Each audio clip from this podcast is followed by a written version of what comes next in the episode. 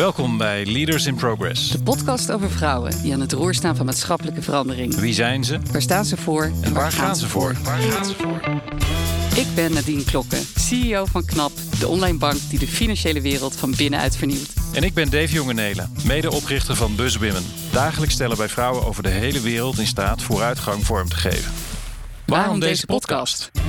We willen je inspireren om aan het roer te staan. Van je eigen bezieling en maatschappelijke vernieuwing. Welkom bij Leaders in Progress. Welkom eh, bij Leaders in Progress. En vandaag zijn wij te gast bij eh, Hanna Verboom.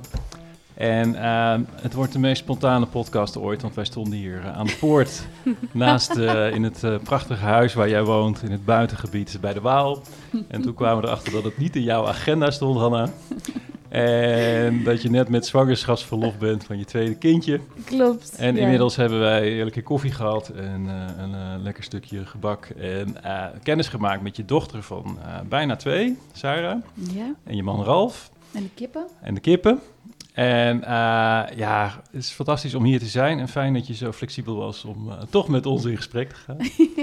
Het was een mooie, het was een mooie verrassing zo op deze zonnige dag. Ja, en ja, Hanna is uh, actrice, filmmaker en nu vooral sociaal ondernemer. Uh, je hebt uh, Get It Done gedaan, opgezet als uh, crowdsourcing platform, een activatieplatform en uh, Cinetree. Daar gaan we het zeker nog over hebben. En nu Ja. ben je ook moeder in verwachting van je tweede. En ja, heel fijn om hier te gast te zijn. En misschien is het goed om eens te vragen van hoe zit jij er eigenlijk bij, hè, nu wij je zo spontaan overgevallen hebben vanochtend? Ja, het was, het was heel grappig, want ik dacht meteen, oh, het ligt aan mij. Want ik, ja, als ik zwanger ben, dan uh, had ik vorige keer ook, dan, dan, ja, dan gaan mijn, mijn hersencellen, die gaan natuurlijk voornamelijk naar dat kindje wat hier gecreëerd wordt. En ik vergeet dan van alles. Uh, maar in dit geval lag het uh, gelukkig uh, niet aan mij, maar aan een collega die de afspraak in de agenda had gezet. Maar nee, ja, ik, ik, ik, het gaat heel goed. Ik ben inderdaad net begonnen met, of tenminste, ja, echt aan het afbouwen eigenlijk voor mijn zwangerschapsverlof. We hebben een aantal grote projecten gehad bij Synergy en Get It Done afgelopen weken. Uh, dus de rust is weer een beetje wedergekeerd. En uh, ja, vooral ook aan het nadenken over komende maanden en uh, ja, hoe dat gaat zijn. Met nog een kleintje erbij. En, maar ook wel met mijn man die sinds een half jaar ook in onze holding is gestapt. dus we zijn nu samen aan het ondernemen. Zijn we ook wel veel aan het praten over weet je, welke richting willen, we naar, willen we op. En het team. En we zijn allebei net iets meer uit de operatie aan het stappen. Dus dat is. Dus het is wel een, een, een, ja, een tijd van reflectie eigenlijk. Als ik het zo mag zeggen. Ja, zo klinkt het. Tijd van reflectie en uh, een beetje transitie al, toch? Die daar aankomt. Zeker, ja. ja. ja. ja. Zou je misschien ons mee willen nemen naar uh, helemaal jouw start van jouw uh, leven? Hoe was jij als kind? Hoe groeide jij op? Ja, tuurlijk. Ja. Um, nou, ik heb wel een bijzondere jeugd gehad. Ik ben uh, toen ik vijf maanden oud was, zelfs uh, naar Khartoum verhuisd in Soudaan. Uh, mijn ouders deden daar trainingen, om eigenlijk veldtrainingen, om vervolgens in Kenia en Oeganda te gaan wonen. En daar, ja, je noemde dat toen ontwikkelingswerk. Ik zou het nu eerder sociaal ondernemerschap noemen, maar om daar allemaal verschillende projecten op te zetten. Mijn vader was landbouwkundige, mijn moeder verpleegkundige. Dus ze hebben daar eigenlijk een heel scala aan ja, projecten, bedrijfjes opgezet. Uh, heel veel rondom landbouw, rondom effectiever kippen houden. Zero grazing heette dat toen. Het ging ook heel erg over hoe je het beste... Ook met vee kan omgaan en daar het meeste rendement uit kan halen voor de kleine lokale boeren. En ze hebben een ziekenhuis opgezet, wat nu een districtziekenhuis is. En jij rende daar dan, of nou in het begin nog niet eens, toen, toen hing je waarschijnlijk in een soort draagzak erbij of zo? Ja, zeker. Ja, nee, goed, ik was vijf maanden oud. Ja. Achteraf denk ik echt, hoe hebben ze dat gedaan? We zijn wel met Sarah, toen zij drie, even kijken, nee, het was zij vier, ruim vier maanden zijn we naar Tanzania gegaan, waar mijn man toen nog werkte. Um, dus, maar goed, in die tijd, ja, je had geen telefoon, geen mail, geen, totaal geen verbinding met de mensen thuis. En het was toen ook nog uh, een paar maanden voordat eigenlijk de burgeroorlog uh, in, in Soudaan ook losbrak. Dus wij zijn uiteindelijk ook vertrokken daar eerder, omdat die burgeroorlog uh, begon. Dus ja, nee, ik was hartstikke, hartstikke jong. Ehm, maar ja, een hele mooie jeugd. Wij woonden zeker in Kenia, echt in the middle of nowhere, in de theevelden. Uh, onder um, Nakuru, wat uh, nou ja, vijf uur ongeveer van Nairobi, de hoofdstad is. En ja, dat was, dat was gewoon een hele mooie jeugd waarin je heel veel buiten leefde. En uh, ik kreeg wel thuisscholing. Ik heb nog een tijdje op een Afrikaans schooltje gezeten. Maar daar was ik ja, de enige ja, blonde meisje. Dus er werd heel veel aan mijn haren getrokken. En ik was een soort bezienswaardigheid. En dat op een gegeven moment, ja, mijn ouders gezegd... nou, dan gaan we thuisscholing doen en dan gaan we kijken hoe dat gaat. En dat ging eigenlijk heel goed. Um, ja, in de weekenden gingen we naar Massamara en dan zetten we een tentje op en dan uh, liepen er olifanten langs. en hoe heeft je dat gevormd? Als je daarna terugkijkt, wat heeft Afrika en daar opgroeien met jou gedaan? Nou, tweeledig. Um, ik denk dat er een positieve kant en een negatieve kant aan zit. De positieve kant is um, dat ik voor altijd mijn hart ben verloren aan Oost-Afrika. Um, en dat het ja, echt het, hele menselijke aspect, super relationeel, uh, heel erg in het moment, uh, uh, veel meer in contact met andere mensen en met de natuur. Um, dat dat iets is wat, waar ik volgens mij altijd naar blijf verlangen. Um, en wat, ja, waar we gewoon in Nederland, zeker met onze ja, wat meer individualistische cultuur, minder hebben. Um, dus dat, ik vind dat altijd heerlijk om terug te zijn. En dan raak je in een gesprek met iemand en die houdt je hand dan echt zo een uur vast. Ja, precies, ja. Kijk de hele tijd in je ogen, zit net iets dicht, komt net iets dichterbij dan we in Nederland gewend zijn. Maar dat, dat echt dat contact en in het moment zijn en weet je dat echt dat menselijke uh, of aardse, ja, hoe je het ook wil noemen, dat, dat is gewoon zo'n rijkdom, wat, je, wat ik veel meer ervaar als ik in bijvoorbeeld Oost-Afrika zit. Um, en een lastige voor mij was denk ik dat we heel vaak verhuisd zijn. En dat ik daardoor als kind wel misschien iets te veel bezig was met me constant aanpassen aan mijn omgeving. En um, ja, dat is wel iets waar ik nu als moeder misschien meer mee bezig ben. Ook dat ik denk, oh ja, het is wel echt belangrijk dat je je ook wortelt. Uh, ik denk dat twee dingen belangrijk zijn uh, in opvoeding, of vast wel meer, maar dat een kind zich kan wortelen en vervolgens ook vleugels kan uitslaan, maar wel in die volgorde. Ja, mooi. En tot hoe lang heb jij in Afrika gewoond? Um, ik heb in Afrika gewoond tot ik twaalf was. Toen zijn we teruggekomen naar Nederland. Hebben een heel klein dorpje Elst aan de Rijn, vlakbij Utrecht gewoond. En toen uh, ontdekte ik dat, uh, ja, dat je vooral moest zorgen dat je een hele hoge kuif had om een beetje te overleven in de middelbare, op de middelbare school. Met haarlakken. ja, dus toen had ik echt een enorme haarlak bij, uh, bus altijd mee in mijn tas. Nee, ja goed, ja, dan, dat, dat was wel een beetje natuurlijk de, het grote contrast van, van ja, in the middle of nowhere wonen. Um, en ja, thuisscholing en, en vooral ja, heel erg veel lokale vriendjes en vriendinnetjes.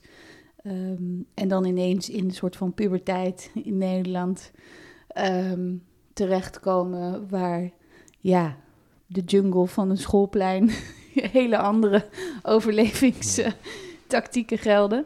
Um, dus dat was wel een shift. En, en welke tactieken miste je dan? Wat, wat kwam je eigenlijk tekort? Ja, ik had geen idee. Sowieso jongens en vriendjes, dat was voor mij echt...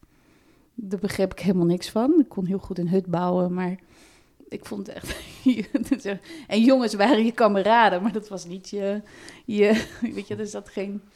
Het hele concept verkering begreep ik helemaal niks van. En uiteindelijk ben ik op mijn veertiende omgekocht door dat, die, doordat dat, dat jongetje die verkering met mij wilde een kettingje met een hartje met zijn naam erin gaf. Toen dacht ik, nou, die wil ik wel. Nee, ja, goed. Het, het, het, ja, gewoon de hele dynamiek van. van, van uh, ja, zo'n schoolplein, dat, dat, dat ken ik niet. Dus dat was wel, dan, ja, dan pas je gewoon wel heel erg snel aan. En, en ik merkte dat ik dan al heel snel keek, oké, wie zijn de populaire? Nou, daar wil je dan bij horen. Dus zorg je dat je daar ook bij past. En dus dat een beetje chameleon achtig denken. Dat zat er bij mij wel heel vroeg in. En ik denk dat dat niet per se goed is voor een kind. Maar ja, goed, je, we hebben allemaal opvoeding waar je het gewoon mee doet. En eh, ik heb een prachtige opvoeding gehad. Dus ik heb eh, wat dat betreft niet veel te klagen.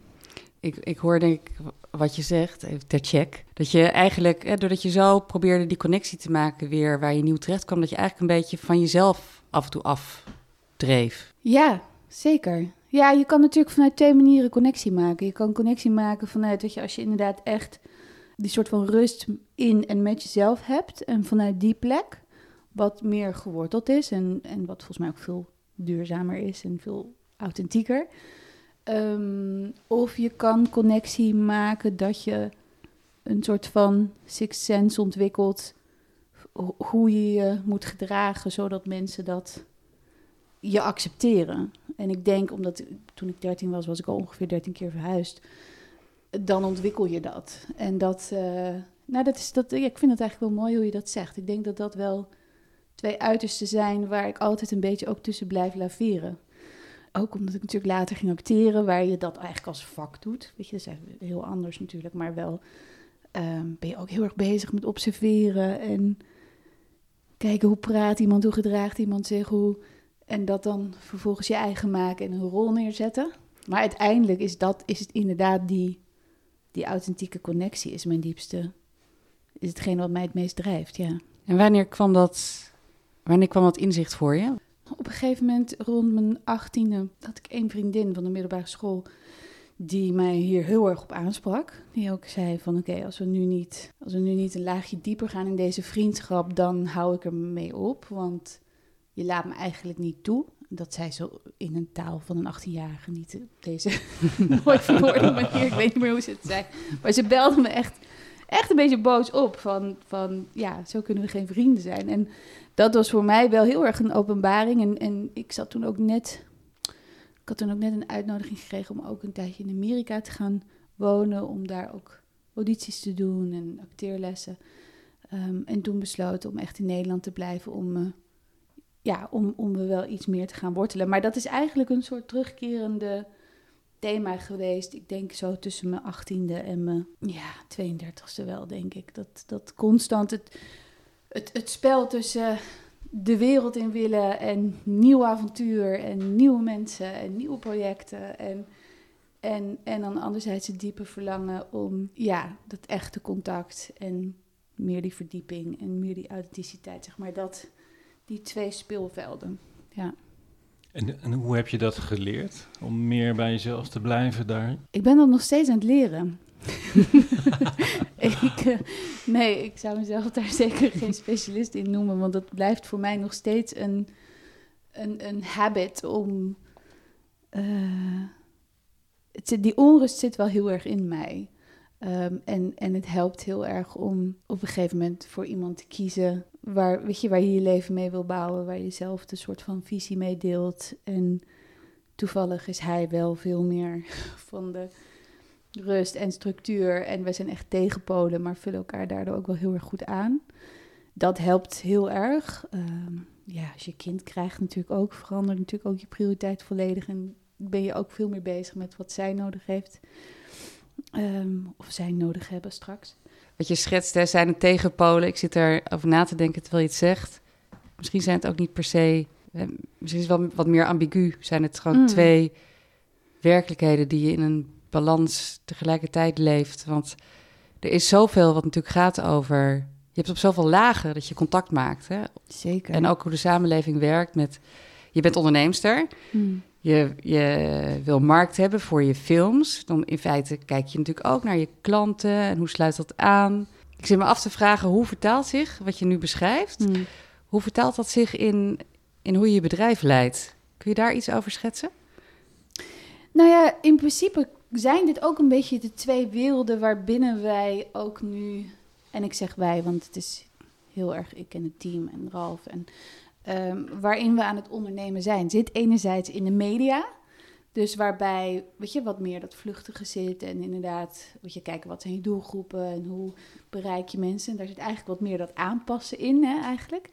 En anderzijds um, uh, impact. Um, en impact is een weet je, veel gebruikt modewoord. Maar uiteindelijk gaat dat in elk geval voor mij heel erg over mensen verbinden.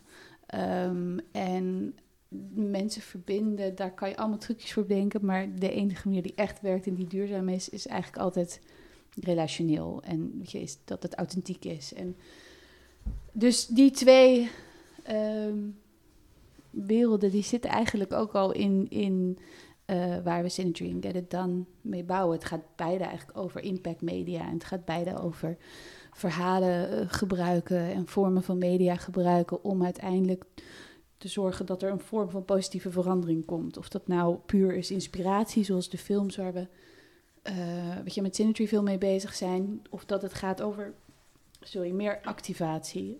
waar we met Get It Done natuurlijk veel meer kijken naar um, ja, mensen activeren en de intrinsieke motivatie van mensen uh. Dus, en ik denk, ik denk een simpel antwoord op je vraag is gewoon vooral altijd zorgen dat je de volgorde bewaakt. Want het begint eigenlijk altijd eerst met dat stukje verbinding. Um, en dan vanuit daar, weet je, het begint, ja, vanuit daar kan je gaan kijken, oké, hoe ga je dan dat groter maken en hoe kan je mensen bereiken? En ik denk dat het soms de valkuil is in de media en zeker natuurlijk heel veel van de tools die er nu zijn, dat, het, dat je eerst bezig bent met bereik. Of dat je eerst bezig bent met ehm, een oplossing vinden voor, uh, um, uh, hoe zeg je een probleem waarmee je mensen gaat bereiken, in plaats van dat het eigenlijk begint bij de essentie van wat je wilt doen. Dus dat hele, ja, echt mission-driven sociaal ondernemen, gewoon altijd weer teruggaan van oké, maar wat is waar willen we mee beginnen en hoe kunnen we dat dan groter maken en niet andersom. En wat was de oorspronkelijke gedachte toen jij begon met Get It Done of met Synergy? Van, we hadden net voorgesprek, ik vertelde ook over het idee van Bus Women begon op een uh, soort dorpsplein in Afrika. En toen we dachten van hoe kunnen we nou die mensen buiten de poort bereiken? Ja, en ook helemaal niet bezig met dat dat jaren later heel veel vrouwen zou bereiken. Ja. Maar hoe is dat voor jou begonnen? Wat was de oorspronkelijke gedachte, impuls waaruit dit geboren werd? Nou, voor mij was het een verlangen die eigenlijk al, al vroeger, of die ik al vrij lang had, ook als actrice. Um, ik heb een hele mooie projecten mogen spelen en uh, dat was te gek. Maar ik miste wel altijd, oké, maar wat willen we nou met dit verhaal? Wat willen we daar nou... Weet je, vaak was het ook gewoon, oké, dit is een goed concept. En daarmee gaan we waarschijnlijk zoveel honderdduizend mensen bereiken. En dat gaan we zo inzetten. En, nou ja, en dan uiteindelijk ging het dan toch over hoeveel geld je ermee verdient of, of hoeveel kijkcijfers of wat dan ook. En ik miste heel vaak die verdieping. En zelfs ook bij wat meer inhoudelijke projecten, gewoon het ook echt nadenken over, uh, oké, maar hoe willen we het thema wat we hiermee raken, hoe willen we dat uh, eigenlijk door laten werken of uitdiepen. Um, dat, dat werd eigenlijk heel weinig gedaan. En ik, ik, ik had daar gewoon een soort, ook persoonlijke frustratie, dat ik eigenlijk zo erg geloofde in ook het werk wat ik mijn ouders had zien doen. En heel erg hield van het werk wat ik aan het doen was qua media, maar daar dus een enorm groot gat tussen zat. Dus het, dus het was op persoonlijk vlak dat ik die bij elkaar wilde brengen. Uh, maar ook wel dat ik echt geloofde dat met alle content die we dagelijks op ons afkrijgen, uh, dat we echt behoefte hebben aan ja, een stukje selectie, aan een stukje gidsing, aan een stukje, weet je, wie kan ik vertrouwen uh, um, over wat ik kijk. Omdat uiteindelijk geloof ik in, heel erg in healthy content. Ik geloof heel erg dat, en dit was, weet je, is zes, zeven jaar geleden alweer.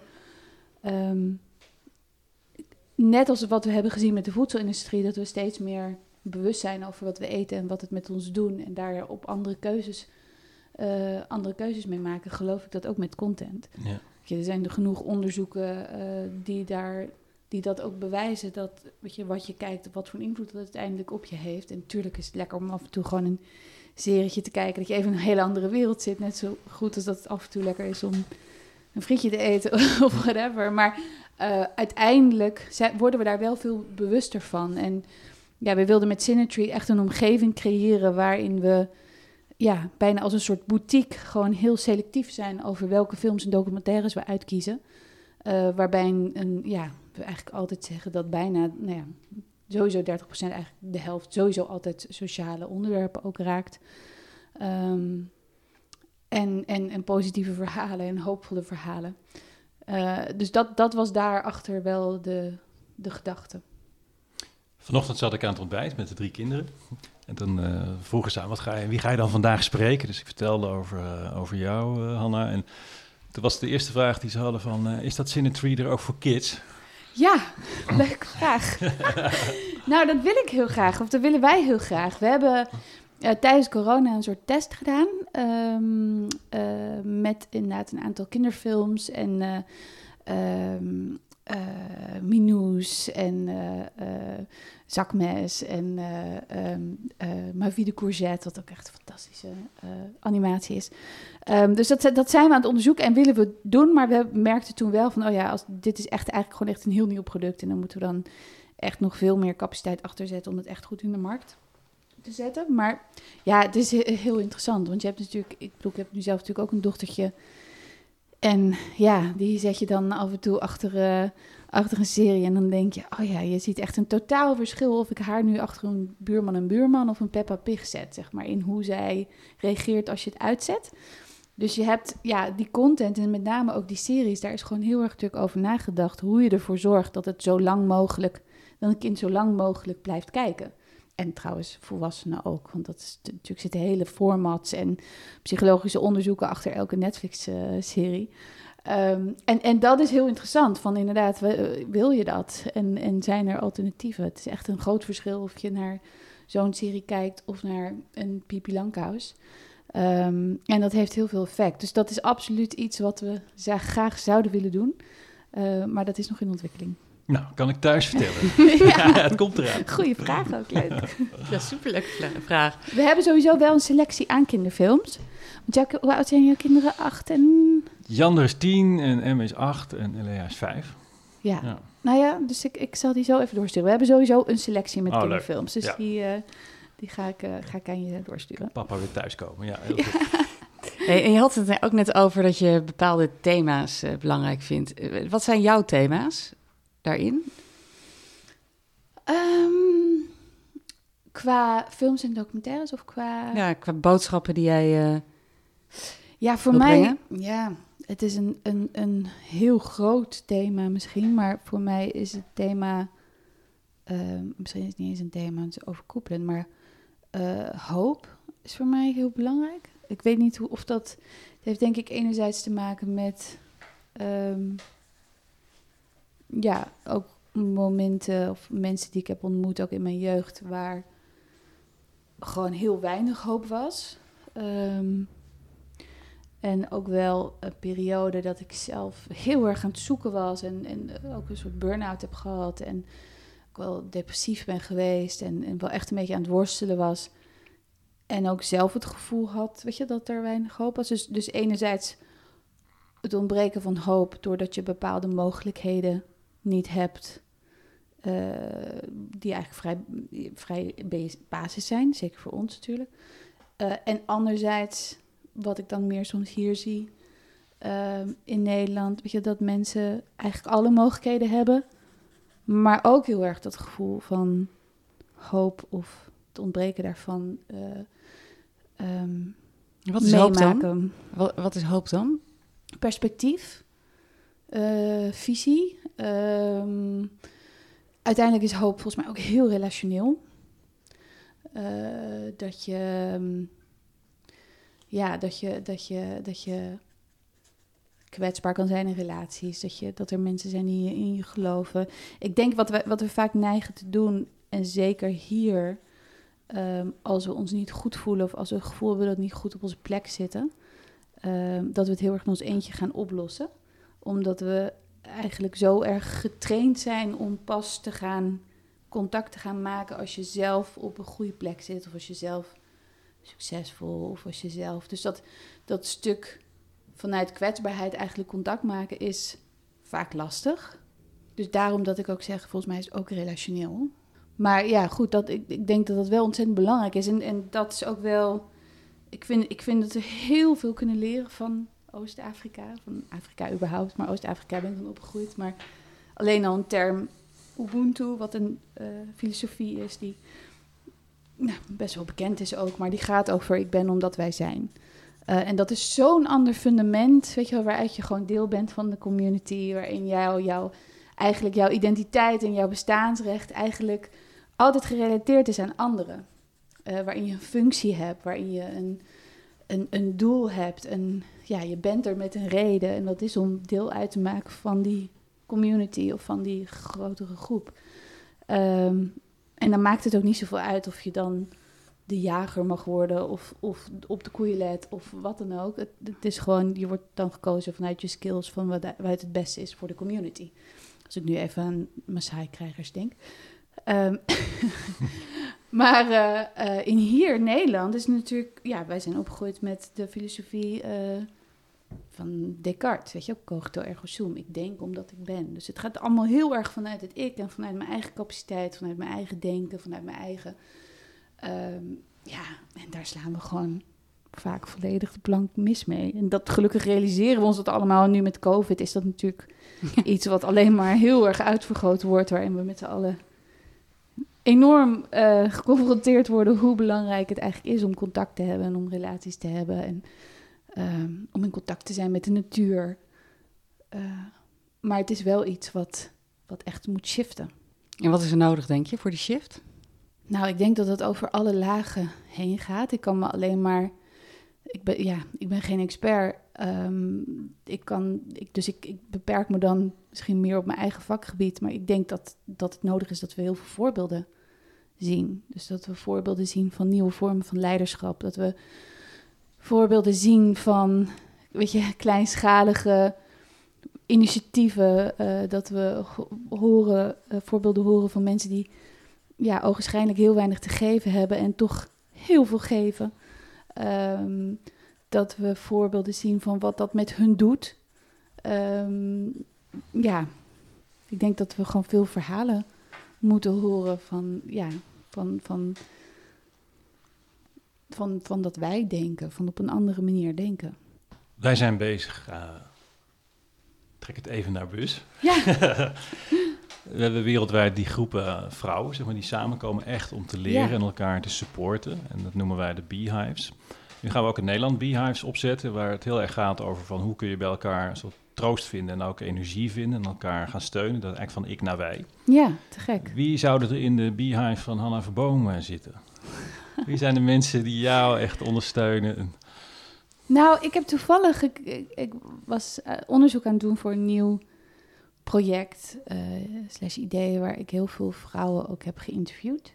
Die eh, op allerlei verschillende manieren volgens mij bezig zijn met dat op die manier denken, op die manier ondernemen, op die manier leiden, leiding geven. Ja, leid, leiding geven. En eh, wat ik te gek vind, is dat het, dat het al heel erg speelt. Ehm, dat het echt heel erg speelt. En dat je dat, ja, dat, dat het volgens mij ook gewoon heel erg de tijd is van nu. Sowieso natuurlijk de positie van de vrouw is, daar is gewoon veel meer platform voor, veel meer ruimte voor. Weet je, de afgelopen jaren natuurlijk ontstaan. En, en eh, ja, we hebben, er zijn al zoveel meer voorbeelden van je, een Sigrid Kaag of de, de prime minister van, weet je, de, United, de vice president, eh, ehm, Camilla Harris. Eh, weet je, er zijn zoveel voorbeelden nu ook van vrouwen die echt dat, eh, ja, die andere vorm van leiderschap ook laten zien. Maar goed, mijn beehive. nou eh, ja, ik heb ehm, mijn oma zou erin zitten. Ik heb een hele stoere oma van eh, 87, eh, die eh, nou echt zich nog gedraagt alsof ze 64 is. En eh, die eh, vroeger drie wasserettes heeft gerund en zeven kinderen heeft opgevoed. En ja, nu nog steeds mijn opa van 93 scherp houdt. En eh, eigenlijk de hele, hele, de hele familie scherp houdt. Dat is echt zo'n enorme ondernemer. Ehm, en ik leer altijd heel veel van haar. En eh, dus zij zou erbij zitten. Ehm, eh, ik vind eh, eh, ja, Anne van der Boogaard van Artie Poppen ook een hele inspirerende onderneemster. Die zich eigenlijk heel erg richt ook op de rol van moeders en de vrouwen. En ehm, ook wel heel erg spiritualiteit, spiritueel ook is. Ehm, eh, ja, nou ja, goed. Een heel scala aan vrouwen waarvan ik denk, oké, die, zijn, die zijn gewoon heel erg indrukwekkend. En die, kan je bij elkaar zetten. ehm, maar wel in een hele diverse groep. Ik geloof heel erg in die, in die diverse groep. En dat we uit moeten kijken dat we soms te veel in bubbels zitten met heel veel dezelfde mensen. Maar hoe, want ik vind dat wel echt te gek wat jullie doen. Hoe is dat, hoe ehm, ervaar je dat die communityvorming eigenlijk anders is, bijvoorbeeld in Gambia eh, versus hier in Nederland? Of merk je eigenlijk dat het op dezelfde manier werkt en groeit? Ja, ik merk dat het startpunt daar is echt wij. Het is bijna moeilijk dat ze over ik praten. Daar is het meer juist van hoe vorm ik mijn eigen identiteit binnen dat collectief. Maar de kracht van die solidariteit en dat voel ik ook wat hier juist ontbreekt. Je ziet hier, we zijn nog wel gewend om met onze eigen ontwikkeling bezig te gaan. Maar het juist van hoe gebruik ik een ander daarvoor en hoe steun ik een ander. En hoe meer je daarin geeft, hoe meer je terugkrijgt. Ja, dat soort verademing als je dat doet. Ja, En dat geldt ook voor mezelf. Van, ik heb altijd de neiging, oh, ik moet het zelf bedenken of ik moet zelf... Ja. Altijd dat ongeduld ook van je wil de wereld verbeteren en het slaat natuurlijk nergens op. Dat gaat altijd stapje voor stapje. En, ja, maar hoe hou je daar ja, de rust in en hoe laat je het juist steunen door anderen? en dat gevoel, dat willen we ook in Nederland echt gaan brengen van in die, zeg maar, onze hapsnap eh, snelle samenleving van... Ja, hoe bouw je nou momenten in dat je je echt gesteund voelt en dat je echt ja, kunt delen wat er met jou gaande is? Ja. Dus eh, ja, daar eh, zijn we nu mee bezig. En dat is ook mooi om te merken van eh, wat het doet. Het is ook doorbreken van traditionele NGO's die helpen zogenaamd arme vrouwen ergens anders ter wereld. Terwijl die vrouwen misschien economisch arm zijn, maar ontzettend veerkrachtig zijn en veel meer connectie hebben, zoals jij ook zei. Ja. En wat we willen is ja, ook aangeven, we hebben zelf zoveel te leren. We kunnen zoveel leren van andere culturen, juist op dimensies die wij missen. Absoluut. Dus voor ons is daar ook de essentie van, eh, ja, we hebben wat van elkaar te leren en, en met elkaar te verbinden, ook internationaal. En connect je dan ook vrouwen in Nederland en Gambia? Dat willen we gaan doen. Ja, En dat ja, is fantastisch. Want daar zit zoveel te leren en zoveel wijsheid om te delen. En juist dat, dat idee ook doorbreken van, oh, wij moeten hen helpen.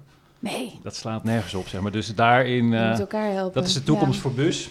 Dus eh, ja, het zou mooi zijn om eh, met elkaar over door te praten. Ook van eh, ja, hoe je dat doet. Ja, we hebben net toevallig, we zijn eh, sinds januari eigenlijk hebben we weer, zijn we weer begonnen met, met Get It Done, wat een stichting is, ehm, wat zich inderdaad ooit richtte op crowdsourcing en nu nog steeds, maar wa- waarbij we ook, eh, eh, ook eigenlijk wat meer die diepte in willen gaan. Dus dat je echt op die ontdekkingsreis van, eh, oké, geven is niet eenzijdig, weet je, dat is juist, dat gaat eigenlijk over een andere mindset, eh, waarin je ook je eigen ja, purpose is ook zo'n modewoord, maar Ja.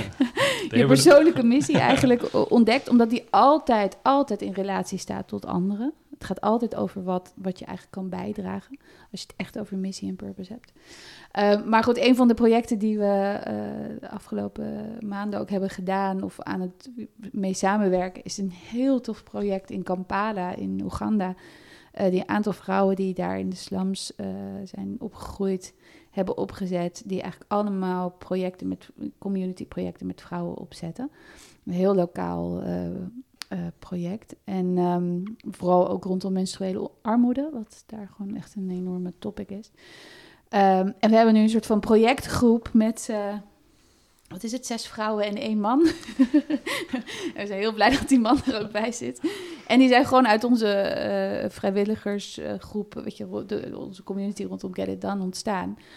Maar dat is te gek, want die hebben dan weet je, de hele tijd contact via WhatsApp en, en calls en Zoom-calls. En zijn nu producten aan het ontwikkelen die de vrouwen dan daar zelf kunnen maken. eh, Ja, gaaf. rondom Ja. menstruele armoede. En dat, dat is te gek als je ziet dat die werelden elkaar connecten. Ehm, wat, wat de enorme rijkdom is die daaruit ontstaat. En dan gaat het niet eens over het project, maar het gaat ook over zes onwijs blije Hollanders die echt gewoon niet kunnen wachten tot de volgende ontmoeting. En Ja, ja, ja. dat, ja, dat, dat, dat, dat, dat relationele daarin en ook wat jullie natuurlijk faciliteren met jullie ontmoetingen, ja, dat is gewoon de basis. Dat is, ja, dat is alles. ja, mooi. Hey, als, we, als we eventjes terug naar jou eh, pakken. Ja, jij bent Eh, van de structuur, hè? ik probeer de structuur een beetje terug te brengen. Eh, we hebben altijd een, eh, eigenlijk twee vaste vragen in, eh, in ons gesprek. En één daarvan is een eh, pleaser en één is een teaser. Nou, we starten met de pleaser. En dat is als jij jezelf een groot compliment zou geven, welk compliment zou je jezelf maken? Oh. Zou hem ook als teaser kunnen opvatten. ja, maar goed. Een groot compliment. Oh, dit vind ik heel moeilijk. Ehm, nee, ja, ik, nou goed, ik denk wel dat eh, het uiteindelijk dat, dat op zoek naar die verbinding, ehm, dat vind ik heel mooi eh, aan mezelf. dat vind ik een groot compliment. En ehm, dat is ook wel hoe ik graag zou willen. Ik zou graag willen dat mensen mij zien als iemand die ruimte heeft. Eh, die ruimte heeft voor, om te luisteren. Die ruimte heeft om een ontmoeting te hebben. Die ruimte heeft om gewoon van de kleine dingen te genieten. Ja, de hele basale dingen. Maar ik zie toch wel, ja, ook misschien na dit gekke jaar, dat dat, dat is gewoon het allerbelangrijkste. Want je kan je helemaal gek draaien met ja, mooie sociale projecten willen opzetten en de wereld willen veranderen of wat dan ook. Maar uiteindelijk ben je dan best wel in de, ja, soms in de oppervlakte bezig of zo. En, en volgens mij begint het gewoon met die ruimte hebben voor, ja, voor iemand op straat of gewoon voor dit hele kleine.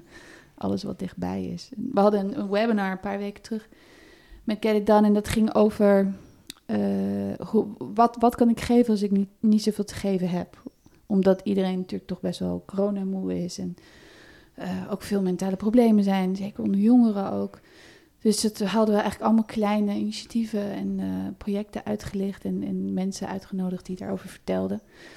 En wat ik heel mooi vond was dat eigenlijk als je, al, heb je het gevoel dat je helemaal niks te geven hebt, dat je altijd nog het grootste cadeau kan geven, is dat je naar iemand luistert.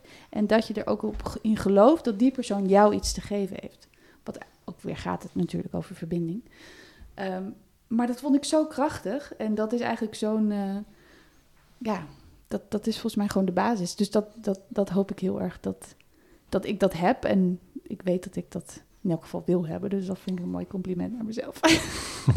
heel ingewikkeld antwoord. ik kan ook heel goed karaoke zingen.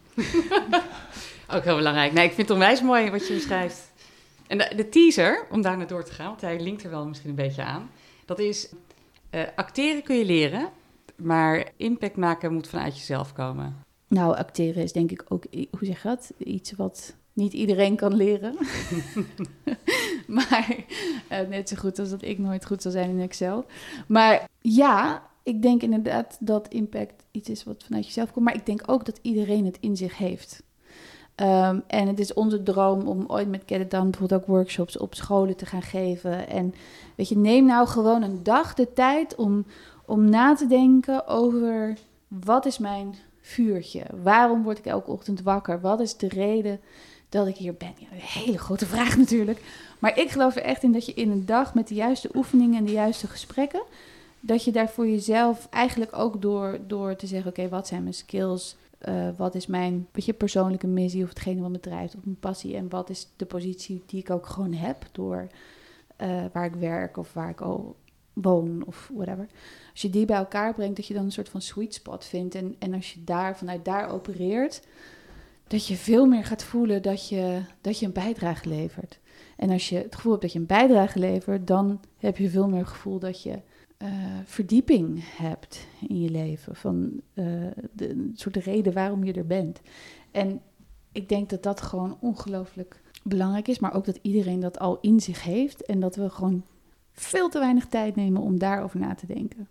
En wat zou je willen meegeven dan? Want, want ik hoor en ik zie natuurlijk ook best veel vrouwen die willen gaan ondernemen. En toch zijn het er over het algemeen veel minder dan wellicht zou kunnen. Heel veel hurdles zijn er, gejaagd leven. Wat klinkt onwijs mooi, maar heb je handvatten of misschien...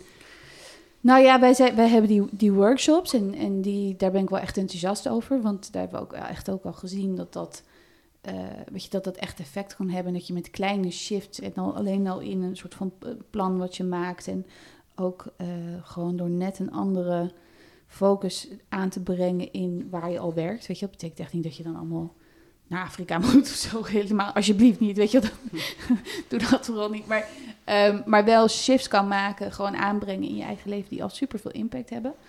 Ehm, en want uiteindelijk, ik bedoel, 21% heeft een burn-out, 25% depressie. Uh, weet je, er, zijn, die cijfers die liggen er niet om. Weet je, Dirk de Wachter zegt 38% van Nederland en België.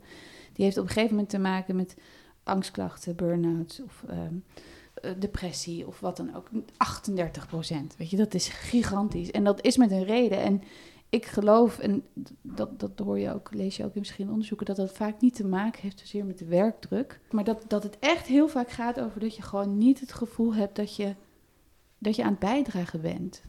Dat je niet het gevoel hebt dat je, dat je niet in contact staat met anderen. Ehm, en ik denk dat het daarom van wezenlijk belang is dat je daar tijd voor neemt. Om te kijken van oké, wat is dan ja, wat is dan die plek waarin ik alles wat ik heb en wie ik ben in verhouding met anderen uh, kan inzetten. En niet zozeer in verhouding met mezelf en mijn eigen succes. En alle gekke doelen die ik mezelf of mijn ouders of mijn Instagram-pagina me opleggen. En als je kijkt, Hanna, jij noemde straks uh, jouw eigen burn-out, zeg maar, dat je daar ook doorheen bent gegaan. Er zit ook iets in, in Afrika, zeggen ze, komen we weer met Afrika. out of bad things, good things come, weet je wel, van en we vermijden nogal ook angst en zo in ons leven. Van, hoe kijk jij daar naar? Wat heb je daarvan geleerd? Ook van die eigen periode? En... Ja, heel erg die, uh, jezelf echt die vraag stellen. Want, want bij mij ontstond dat toen ik een Amerikaanse film aan het doen was. En uh, ik had ook ziekte van Fiverr. En uh, ik, ik, studeerde daarvoor nog aan de UvA filosofie en economie. En van de een op de andere dag zat ik ineens in een Nederlandse film, een Amerikaanse film. Maar het waren ook niet echt films die. Het waren leuke films, maar het ging niet echt ergens over. Dus het was ook wel. Ik, ik miste gewoon volledig de, de reden waarom ik aan het doen was wat ik aan het doen was. Maar ik was wel heel hard aan het werken. Ehm, en ik, nou ja, dus, dus die, al die, precies die dingen die ik noemde, die, die gebeurden ook. Ja. Waardoor ik ja, ook een beetje gewoon, ja, op een gegeven moment gewoon volledig uitgeput was. Dus wat ik daaruit heb gehaald is inderdaad zelf die, dat onderzoek aangaan. En ja, vervolgens ook uiteindelijk zelf sociaal ondernemer ben geworden jaren later. Uh, omdat ik eigenlijk alleen nog maar dingen wil doen en merk dat ik dingen, van dingen energie krijg waar ik ook echt in geloof. Wat is het leukste aan sociaal ondernemen?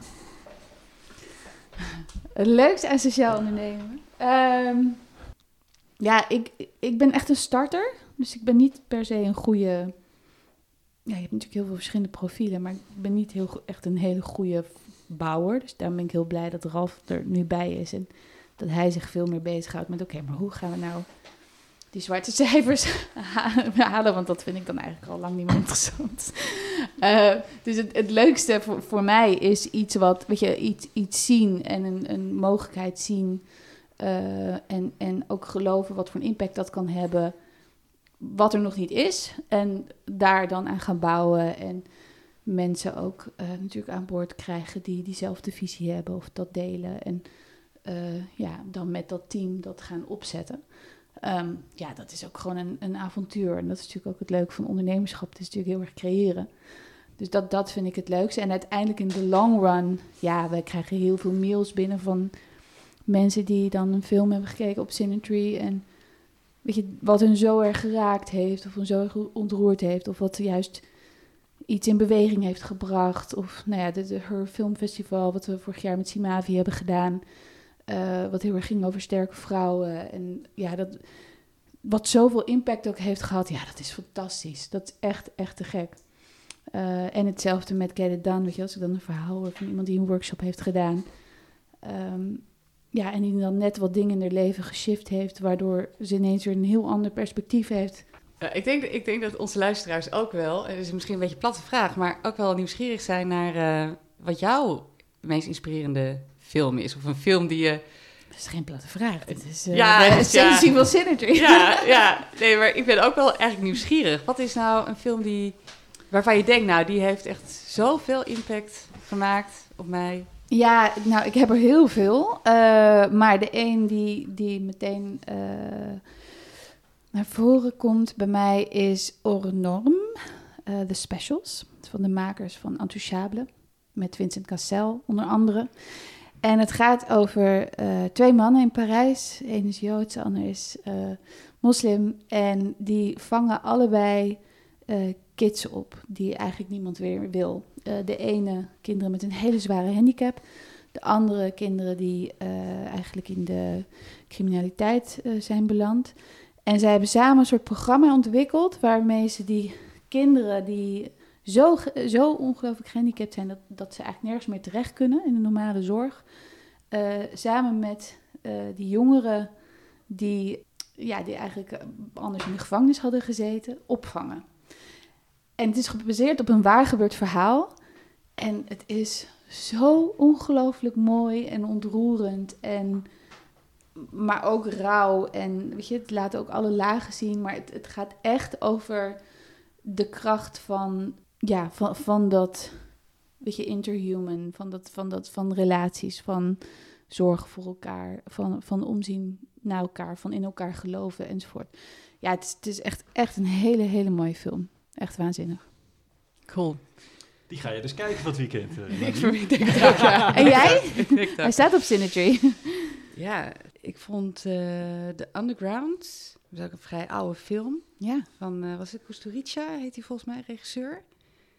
Ook fantastisch, maar dat is meer vanuit wat meer magisch realisme, een soort tussenwereld, met dan natuurlijk de zigeunermuziek die het helemaal omlijst. En, eh, Oh, te gek. Nou, dat is Eh, niet vaak dat eh, ja. iemand een film doet die ik nog niet heb gezien. Oh, serieus? Ja, nee, ik oh, nog niet gezien. Nou, ja. Oh, ik zal het maar doorsturen aan ja, je. Ja, graag. vond Leuk. ik ook echt een waanzinnige eh, film. En de andere die oppopt is die film met eh, Bowie, maar ik weet de naam niet meer. Dat zette ook allerlei denkbeelden eh, van mij helemaal open. Ik dacht, alle mensen... Ja, dat is echt te gek wat een film kan doen. Wij zeggen altijd een film die langer bijblijft dan dat die duurt. En, maar dat is het inderdaad. Eh, ik was een paar dagen geleden Nomadland gezien, een film die nu voor zes Oscars genomineerd is. Die gaat over eh, eigenlijk een vrouw die alles verliest in Amerika en die uit haar busje gaat leven en zich aansluit bij een soort groep nomaden.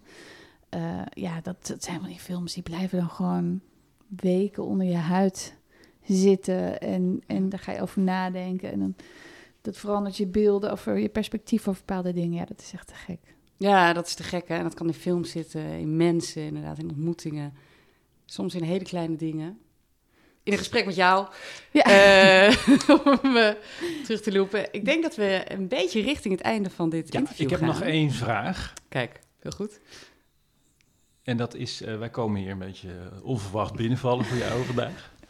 En ik vind het heel mooi om te horen wat jou drijft en hoe open je daarin bent. En dan zit er ook een, een vrouw uit eh, Namibië mij aan te kijken. Een portret van eh, Jimmy Nelson, wat hier Ja. in jouw werkruimte staat. En ik hoor jouw verhaal over ja, je oma, hoe krachtig die is. Je moeder die samen met je vader een ziekenhuis heeft opgezet. Eh, jij die een rol hebt. Ik zie je kind hier eh, rondlopen. Van hoe, hoe kijk je naar ja, spiritualiteit noemde je straks. En, en het gevoel dat je iets te doen hebt in deze wereld. Van, als je daarnaar kijkt, hoe is dat? Ik heb, het is misschien niet een goede vraag, maar wel een soort gevoel wat ik heb. Wat ik gewoon bij je neer wil leggen. Van, ik voel dat, eh, dat, dat jij ook echt een missie hebt. En hoe zou je die omschrijven? Misschien is dat de vraag. Oh, dit zijn de grote vragen des levens, Dave.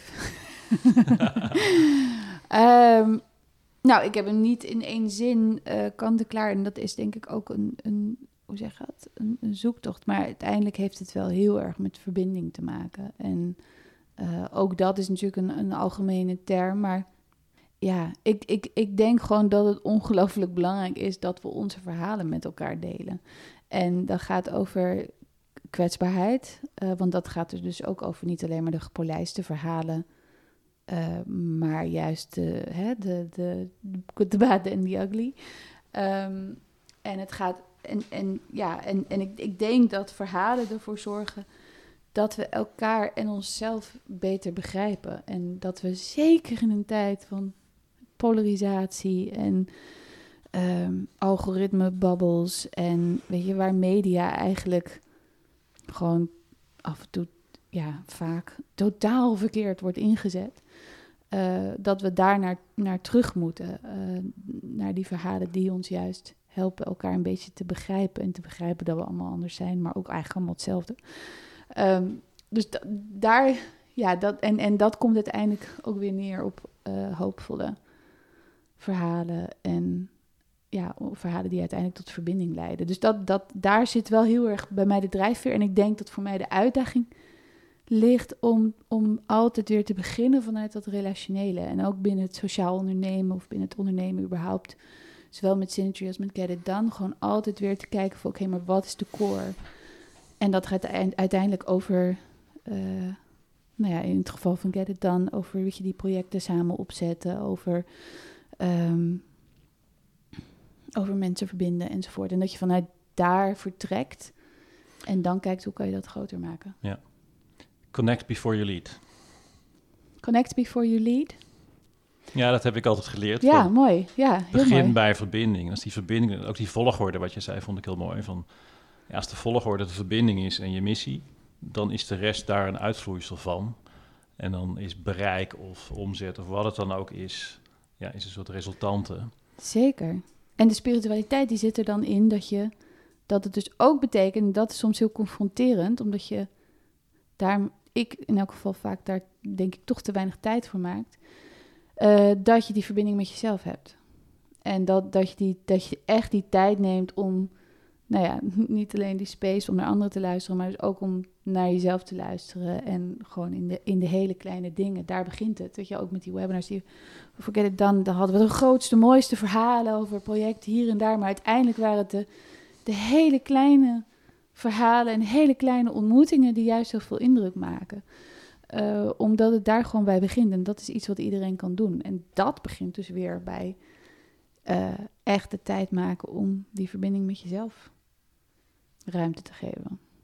Om lekker de natuur in te gaan en met je kind een treintje te spelen. En, ja, het is voor iedereen anders, maar ja, is dat iets wat herkenbaar is? Jullie kijken maar. Ja, zeker. Nee. Ik, uh, er komt altijd een hele mooie, een briljante samenvatting aan het eind van Nadine. Dus ik ga nu alvast jou bedanken. En uh, de laatste Afrikaanse one-liner die ik vandaag ingooi is van... Uh, het is niet de, de agenda die de, die de dag bepaalt, maar het is de dag die de agenda bepaalt. Dus vandaag was de agenda leeg en hebben we toch wel een heel mooi gesprek. Dus Zeker. dank voor jouw flexibiliteit en je, je, je warmte en, en de, de hartelijke ontvangst. Ja, welkom. En ik wens jou een hele mooie zwangerschap en samen met Ralf en Sarah en, uh, een heel mooi nieuw kindje op komst. Dus uh, heel ja. veel dank. Nou, dank jullie. Dank voor deze mooie ontmoeting. Ja, het was zeker een mooie ontmoeting. En volgens mij heb jij net ook al een beetje de kern van de samenvatting uh, genoemd, Dave. Maar ik ga hem toch nog een keertje noemen. Ja, ik vond het echt ik vond het een prachtig verhaal wat je vertelt. En, en hele mooie dilemma's. En ook een, prachtige missie die je aan het leven bent, bijna. In wat je doet en waar je leert en ontwikkelt. Ik heb een aantal dingen opgeschreven. Die zal ik. Uh, zijn natuurlijk nu helemaal uit of context, maar ik ga ze toch even noemen. Uh, super relationeel zijn in het moment. Echt contact maken, wat menselijk is, bijna aards. Dat is echte rijkdom. Um, je vertelde, uh, met opvoeden zijn er eigenlijk twee dingen. Prio 1 is wortelen. Dus eigenlijk dat zelf laten zijn en daarna de vleugels uitslaan. En toen je dat verbinden met je met, met bedrijven en met, met uh, ondernemen uh, was het eigenlijk bijna hetzelfde. Hè? Zorg dat je echt vanuit de, vanuit de verbinding, vanuit de essentie, vanuit de missie start. En daarna volgt de rest het bereik en de oplossing. En dan aan de themakant kwam je op hoop als kernbegrip. Waarbij zij visie, perspectief, relatie en daarna werd het ook geloven in. Um, gewoon wat de vleugels mensen kunnen krijgen als er geloof is, als er verbinding is. Dat is gewoon mm. dat is ongekend. En misschien is dat ook wel de motor wat, wat zoveel kan aanzetten. En dan is iedereen altijd op zoek, ja, hoe doe je dat nou? En dat vond ik zo mooi, want daar kwam je ook op. En uh, dat is best wel eenvoudig volgens mij. Hè? Dus ruimte voor jezelf en ook verhalen blijven vertellen. Echte, authentieke verhalen. Met elkaar delen, elkaar hoop geven. En, uh, en ik wil afsluiten met uh, het Ubuntu-begrip, wat je, wat je ook nog noemde. Ik ben omdat wij zijn. En dat is uh, in ieder geval eentje die ik weer uh, met me meeneem om komende periode over na te denken. Dat was het ook alweer. Descartes, uh, die ook in mijn hoofd nogal een plekje heeft gekregen. um, maar super, super mooie zin. En ook um, ja, heel erg veel dank voor je gesprek en je openheid. ik heb ervan genoten. Dankjewel. Fijn, graag gedaan. Dankjewel voor het luisteren naar deze aflevering van Leaders in Progress. We hopen dat je ervan genoten hebt en er volgende keer weer bij bent wanneer we een nieuwe gast aan tafel hebben. Ben jij geïnspireerd en zou je ook willen werken aan vooruitgang? Dat kan. Ga nu naar www.leadersinprogress.nl en kom in actie. Of neem direct contact met ons op via de e-mail. Graag tot de volgende keer.